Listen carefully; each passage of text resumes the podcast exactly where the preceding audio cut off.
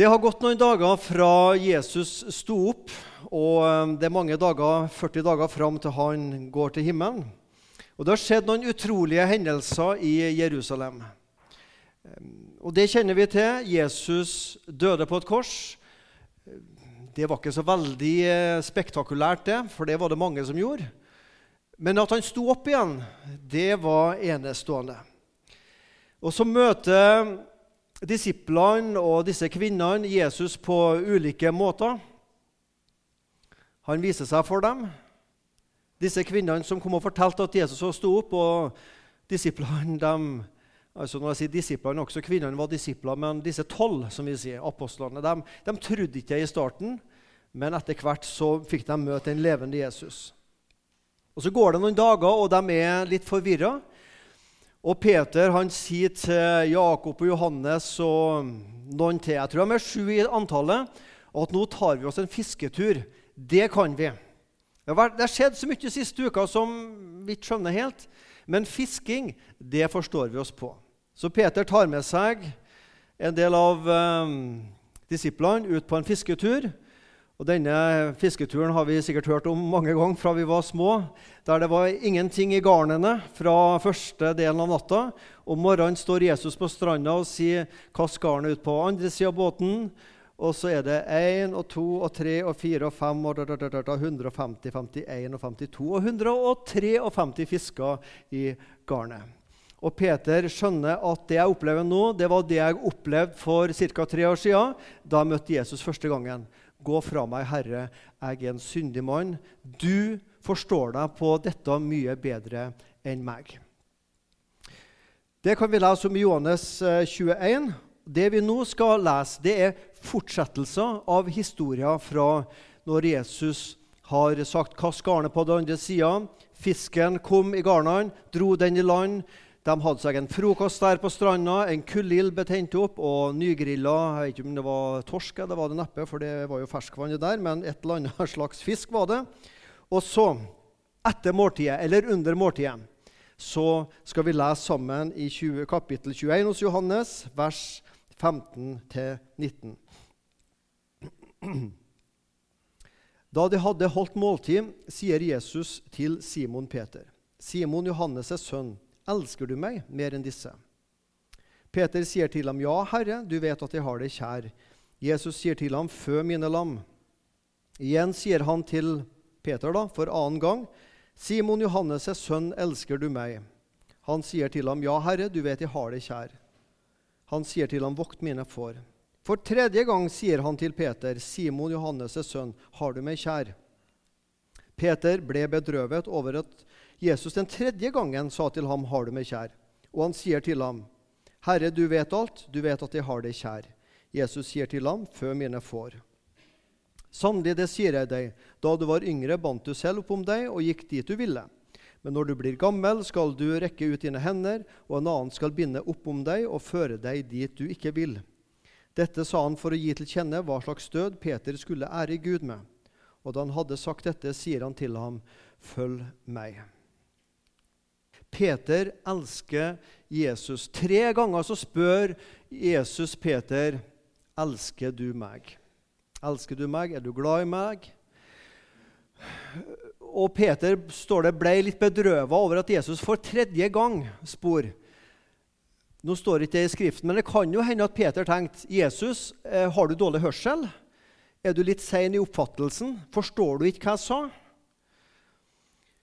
Sannheten var nok at Peter kanskje ikke helt forsto hva han sa. Eller han ikke forsto hva det vil si å elske Jesus. Tre ganger må Peter svare, 'Ja, Jesus, jeg har deg kjær'. Og Det står ikke i teksten, men vi tror at noe av grunnen til at Jesus spør tre ganger, det var jo at Peter ei uke tidligere cirka, tre ganger hadde nekta på at han kjente Jesus. Nei, Nei, nei, jeg kjenner ikke det mennesket der. Tre ganger banna på. Heldigvis så tok de ikke med banningsorda, de som skrev evangeliene. Det står det han banna på altså, at han ikke kjente Jesus. Nei, nei, nei. Så går det ca. ei uke, og så er det tre ja, ja, Ja, Jesus, jeg elsker deg. Hva er det som ligger mellom de tre nei og de tre ja? Hva har skjedd mellom de tre nei og de tre ja? Det ligger, eller det står, et tomt kors og ei tom grav. Påskas hendelser ligger mellom tre nei og tre ja. Det ligger en ny start mellom de tre nei og de tre ja. Det skjedde noe med Peter i løpet av disse dagene der. Han som så sterkt banna på at han ikke kjente Jesus. Det begynte å gå opp for han hvorfor Jesus måtte dø, og at Jesus var stått opp. Og så er det sånn for oss også. Mellom våre nei til Gud og våre ja til Gud så det et, står det et kors og ei tom grav. En ny start. Kristendom er ny start. Peter fikk en ny start. Han som sveik, han som løy, han som hadde et oppblåst sjølbilde. Bibelen er full av fortellinger om mennesker som fikk en ny start. Tenk bare på noen av de største i Bibelen. Kong David og Moses var begge mordere. Har vi mordere blant oss her i dag? Jeg, jeg mener sånn skikkelig mordere. Jeg tviler på det. Håper iallfall ikke men det kan jo hende, for alt jeg vet. Kjenner ikke alles liv. Noen av de største menneskene i Bibelen mordere, horkarer, løgnere Jonah, en trassig 'Nei, Gud, jeg vil ikke' Vil ikke dra til Ninive.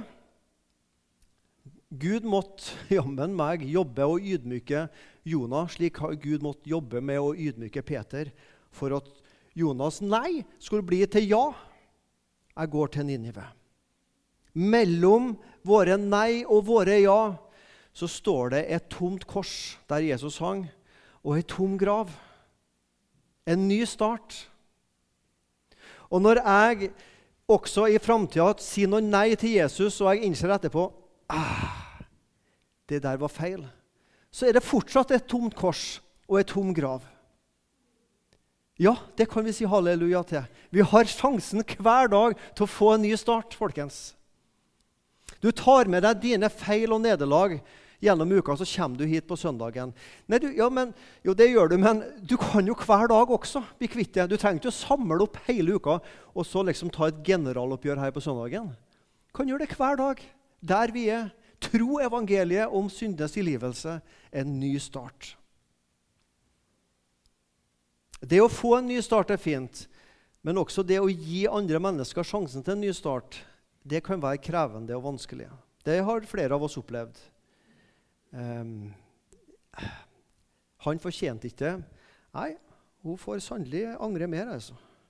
Ja, jeg kjenner det fra mitt liv også. Men det å gi en ny start er også en del av den kristne troa. Peter, Jesus spør om Peter elsker han, og Peter svarer ja. Jeg tror Peter mente av hele hjertet, av all sin kraft og sjel og forstand, som det står, å elske Gud. Det er fint å elske Gud. Det er noe som er finere enn å elske Gud. Hva er det? Det å være elska av Gud. Jeg besøkte et vennepar i Trondheim for noen år siden. og Så må man i et nødvendig ærend, og så hadde kona i huset hengt opp en del sånne sitater eh, på doet. Så jeg satt og las litt på dem. Der sto det mye smart. Og et av de sitatene det var det handler om ekteskapet. Um, det å, å velge Én ting er å velge, men ekteskap det er å vite 'jeg er valgt'. Så tenkte jeg det er sånn også Jesus. Det er fint å velge Jesus og si ja til Jesus. Det er enda større å vite 'jeg er valgt'. Han valgte meg. Amen. Ja, halleluja. Ja, da begynner vi å ta av litt her. vet du. Det liker vi. Kristendom er ikke bare å elske, men å være elska. Kristendom er ikke å velge, men å være valgt av Gud. Det er fint at Peter elska Jesus. Det var større at Jesus elska Peter. Peter, elsker du meg mer enn disse? Den har jeg tenkt litt på. Simon Johannes' sønn, elsker du meg mer enn disse? Hadde Jesus en konkurranse mellom disiplene? Hvem elsker Jesus mest? Er det du, Peter? Er det du, Johannes? Jonathan eller um, Matteus eller hva de nå heter? Hvem elsker Jesus mest? Og så hadde man en sånn rangeringsliste. Nei, jeg tror ikke det var det. Nå kan det nok være at Jesus spor Peter direkte fordi at Peter så sterkt tidligere hadde sagt om alle andre svikter Jesus I'm the man. Meg kan du stole på. Og så var fallet så stort. Og så spør Jesus Peter elsker du meg virkelig mer enn disse andre disiplene. Sånn at Peter måtte vurdere og tenke over det. Det kan være. Men det kan også være at når Jesus spør elsker du meg mer enn disse, så er pronomenet disse ikke de andre disiplene, men fisken.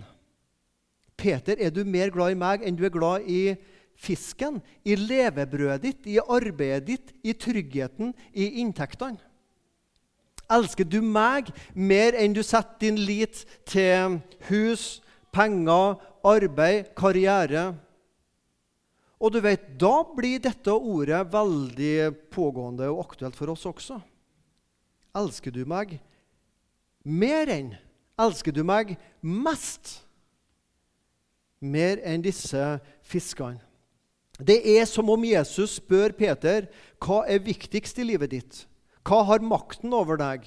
Og hva er Gud i livet ditt? For Martin Luther lærte oss det at Gud er det som betyr mest for oss.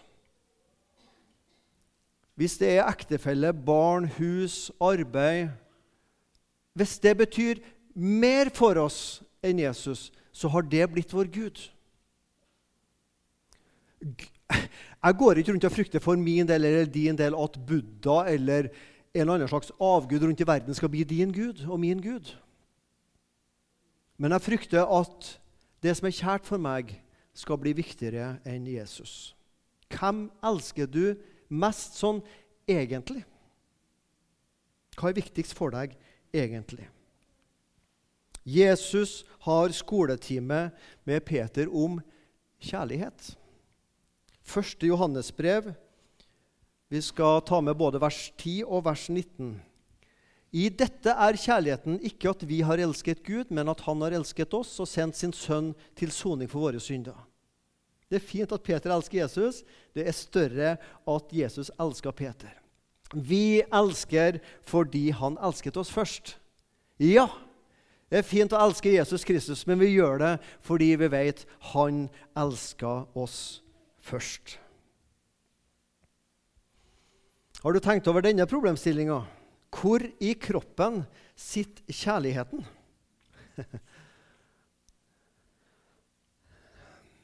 Er det noen som har vært med i 4H? Ja. I dag skal du få 3H. Hjerte, hode, hendene. Det kan godt hende at de også er med i 4H, for alt jeg vet. Der sitter kjærligheten. Den sitter både i hodet, i hjertet og i hendene. Guds kjærlighet er utøst i våre hjerter ved Den hellige ånd, Romerne 5.5, hvis ikke jeg tar helt feil. Gud har gitt oss sin kjærlighet. Han har gitt oss Jesus i våre hjerter, Den hellige ånd i våre hjerter. Gud har gitt kjærligheten i våre hjerter. Et hjerte som har møtt Guds hjerte, vil elske tilbake. Det at Gud elsker oss, kaller vi tilgivelse. Det at vi elsker Gud, kaller vi tilbedelse. Kjærligheten sitter i hjertet. Ikke at jeg har laga den sjøl, og du har laga den sjøl, men Gud har gitt Jesus i våre hjerter.